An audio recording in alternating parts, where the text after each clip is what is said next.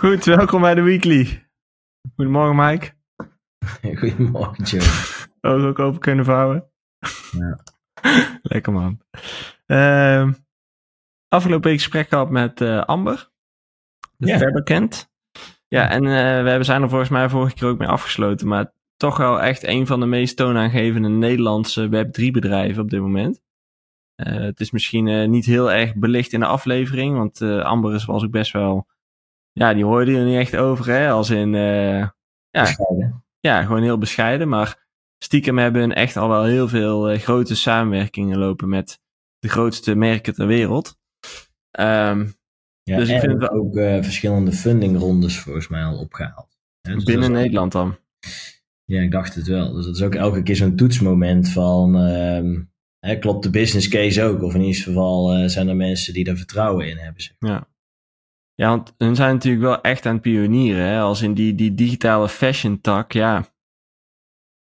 Het is, het is natuurlijk ook echt iets nieuws. Dus ik kan me heel goed voorstellen wat zij ook ervaart. Dat er van alle kanten weerstand komt en dat mensen het niet snappen. En dan is het eindelijk alsmaar maar knapper dat je dus funding bij elkaar kan krijgen. En, eh, en gewoon hier een business van kan bouwen.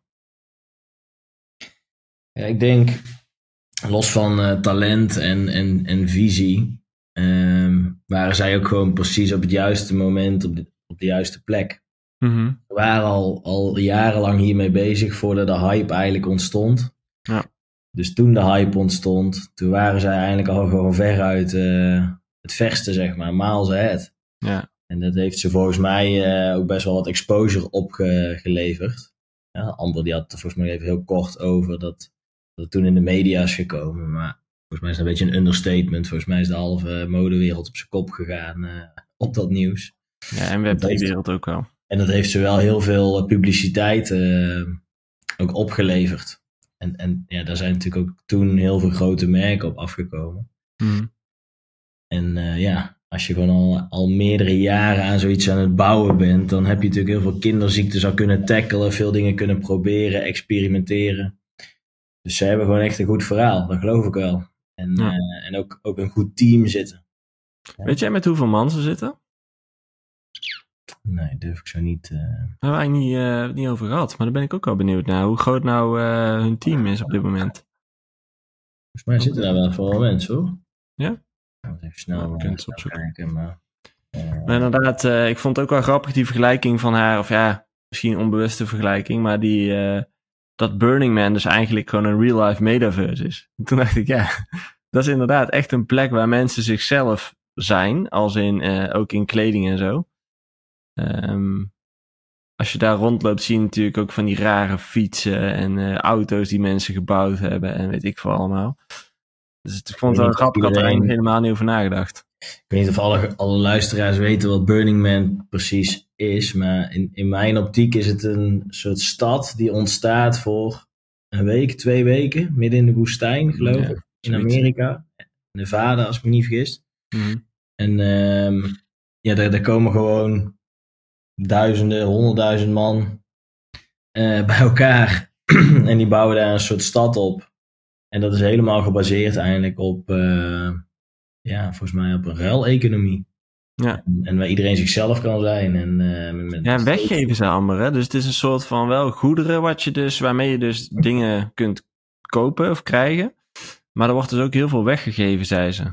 Dus, eh, maar het is inderdaad meer dat als je kijkt, de, ehm, hoe heet dat, de, de mensen die daar komen zijn achter, over het algemeen echt wel heel artistiek ook. Dus heel, eh, dat zie je in de kleding terug, dat zie je in, eh, nou, ik zeg al zelf ontworpen fietsen, op heel rare vormen auto's die super eh, creatief bedacht zijn. eh. het is gewoon een heel aparte, eh, apart festival. En ook de gedachtegang erachter is heel anders dan anders. Dus mocht je het niet kennen, google het gerust even. Ik denk dat je je ogen uitkijkt.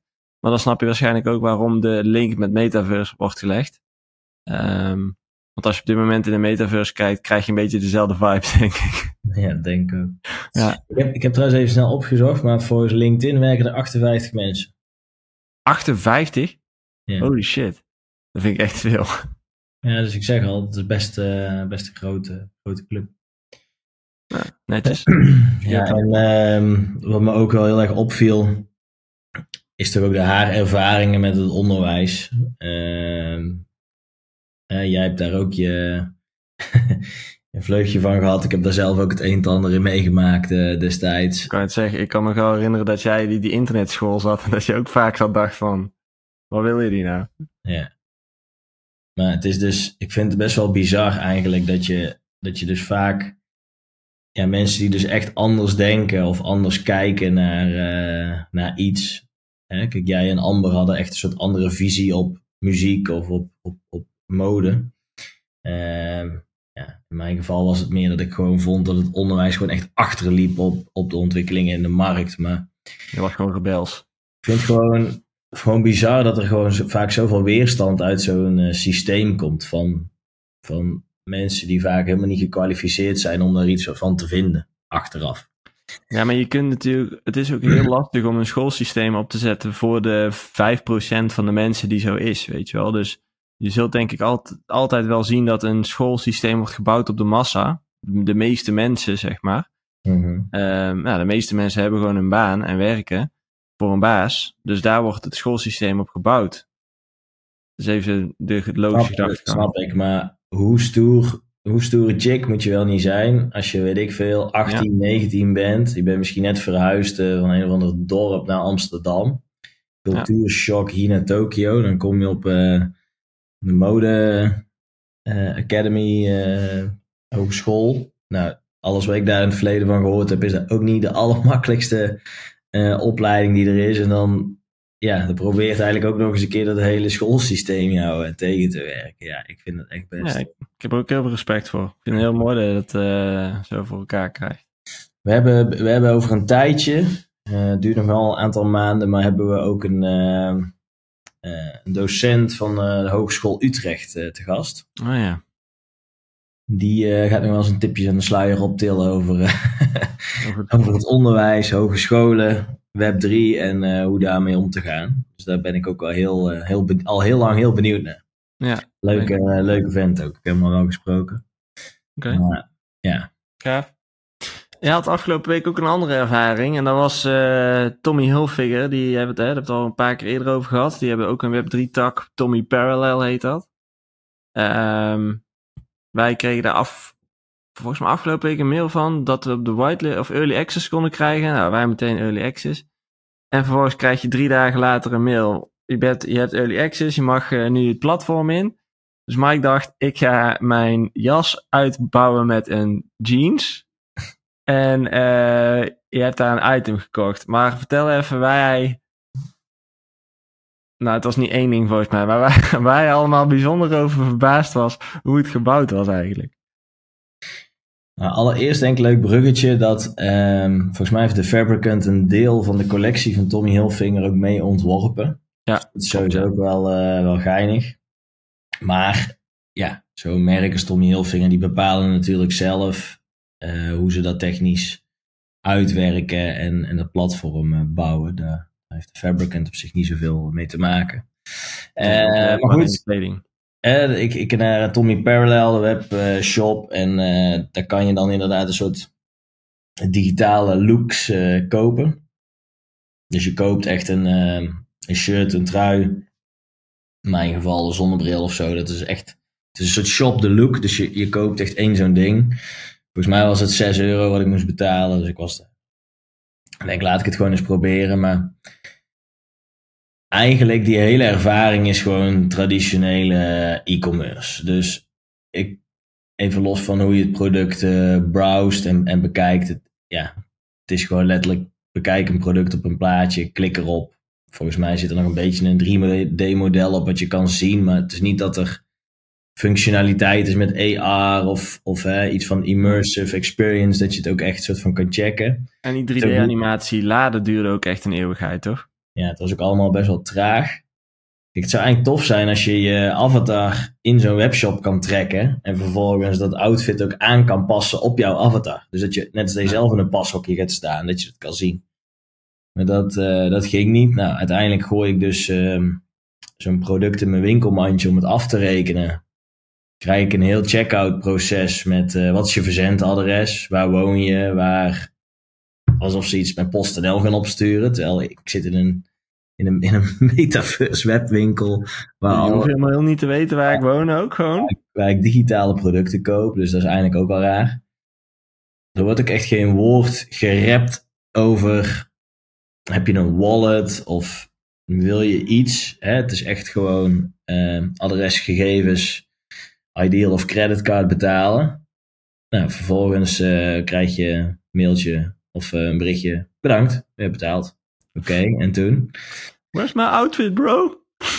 Nou goed, daar had ik dan nog wel vertrouwen in, maar omdat het Tommy Hilfiger is. Maar in ieder geval duurde het nog best wel even. Toen kreeg ik opeens een mailtje van jouw, eh, ehm, ja, jouw, jouw aankoop staat, staat klaar in je wardrobe. In je, ehm, hoe noem je dat? Kledingkast. Nou, dus ehm, ik erop klikken, op die link. Kom ik in een soort, eh, niet eens een kledingkast, niks vormgegeven als een kledingkast, nul beleving, staat ook alweer een plaatje. Dit is jouw, eh, jouw wardrobe, oké. Staat er een knop onder met mint. Nee, redeem. Redeem now. Redeem stond erop, ja, redeem. Klik je op die knop, gebeurt er echt helemaal niks. Nou, ik dacht misschien dat de blockchain traag is. Toen kreeg ik een mailtje binnen van ja, er zitten nog wat fouten in het platform. eh, sorry, maar komt goed. En op een gegeven moment klikte ik op het plaatje. Toen kreeg een pop-up van eh, login bij Ready Player Me. Dus dat is een platform wat dus eigenlijk een soort wardrobe is. Waar je dus verschillende dingen bij elkaar kan hangen. Nou, ik heb ook zo'n account. Dus toen log ik daarop in. En daar stond dan opeens wel mijn Tommy Hilfiger eh, outfit.